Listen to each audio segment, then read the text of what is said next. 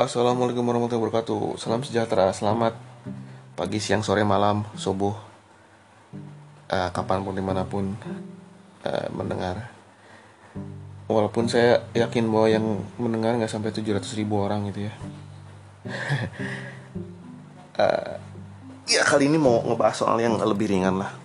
Kemarin tuh ada yang bilang katanya bahasannya terlalu berat gitu. Ya habis gimana ya uh, nggak apa-apa sih. Ini mau ngebahas uh, fenomena yang sering saya lihat di YouTube gitu kalau lagi iseng-iseng gitu.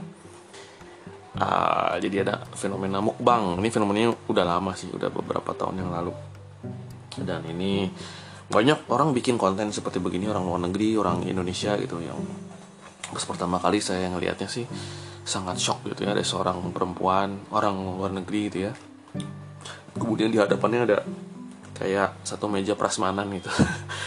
Dan dia menghabiskan semua makanannya itu dihabisin semuanya entah, entah itu apa uh, ayam rendang uh, cumi udang tempe apalah dalam 15 menit semuanya habis masuk ke dalam perutnya. Emang waktu kita pertama kali ngeliat itu kayak uh, kayak lihat sirkus gitu kan lihat atraksi gitu. Ada yang bisa melompati ring api, ada yang bisa bermain dengan singa, dengan macan, dengan leopard apa dan ini ada yang bisa makan satu meja persemanan sendirian gitu.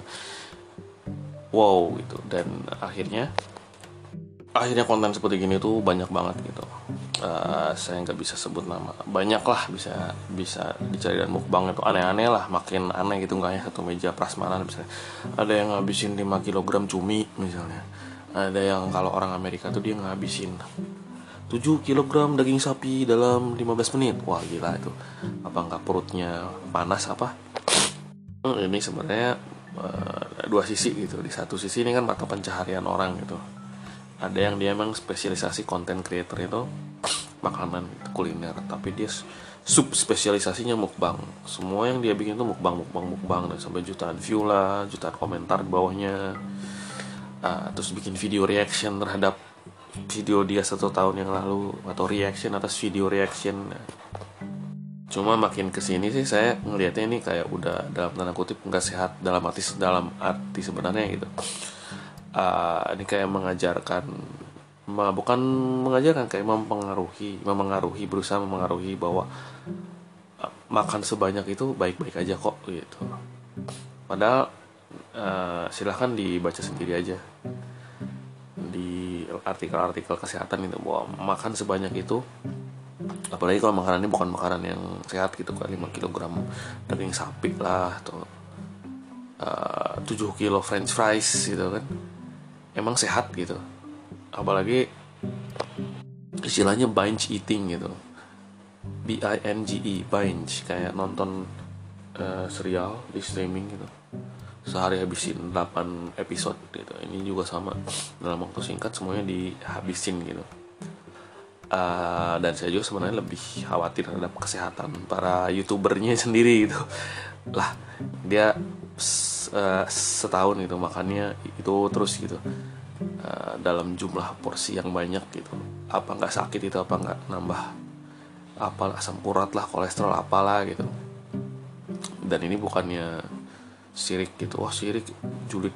Ada orang bikin konten gitu dikomenin gitu. semua jadi dikomenin gitu yang foto di cafe yang ini. Enggak enggak. Maksudnya uh, emang ada konten-konten yang menurut saya menarik gitu. Kayak dia bikin resep atau dia dia menceritakan makanan-makanan eksotis gitu. Semua dari YouTube juga akhirnya saya tahu ada namanya paha. Paha uh, makanan tuh paha babi namanya jamon iberica itu uh, premium dan juga jadi tahu ada air mineral merek Filico gitu. Yang juga premium saya nggak saya nggak tahu berapa harganya di Indonesia mencicipi aja. Belum pernah. Jadi emang ada uh, konten menghibur yang uh, mencerahkan menambah ilmu pengetahuan. Seru juga gitu. Atau misalnya seneng nonton Uncle Roger gitu. Emang uh, Uncle Roger dia masakannya biasa aja tapi cara dia uh, membawakan personanya tuh lucu menarik gitu. Terus yang mukbang ini sih uh, cuma sekedar pemikiran aja gitu. Ini bukan berarti saya mau bikin satpol pp terus uh, lapor ke Depkominfo enggak ya. Ribet amat hidupnya gitu. Orang mau bikin konten gitu ya silahkan aja gitu. Bukan bukan pakai uang saya juga gitu nggak sampai dia ambil stok indomie saya gitu kan. Cuma jadi perhatian sebab uh, semakin banyak seperti begitu seolah-olah normal gitu. Orang makan sebanyak itu dalam waktu singkat normal dan akhirnya mungkin ada konten creator yang lain yang mau menuruti gitu. Dia juga makan sebanyak itu gitu.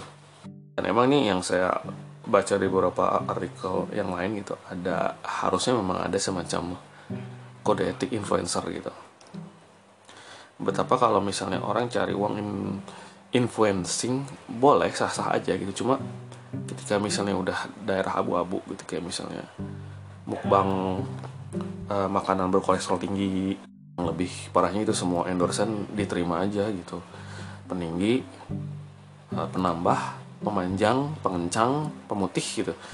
Yang silahkan dibaca aja artikel kesehatannya sudah sudah banyak uh, pendapat para dokter dan para ahli lebih valid dari pendapat saya gitu.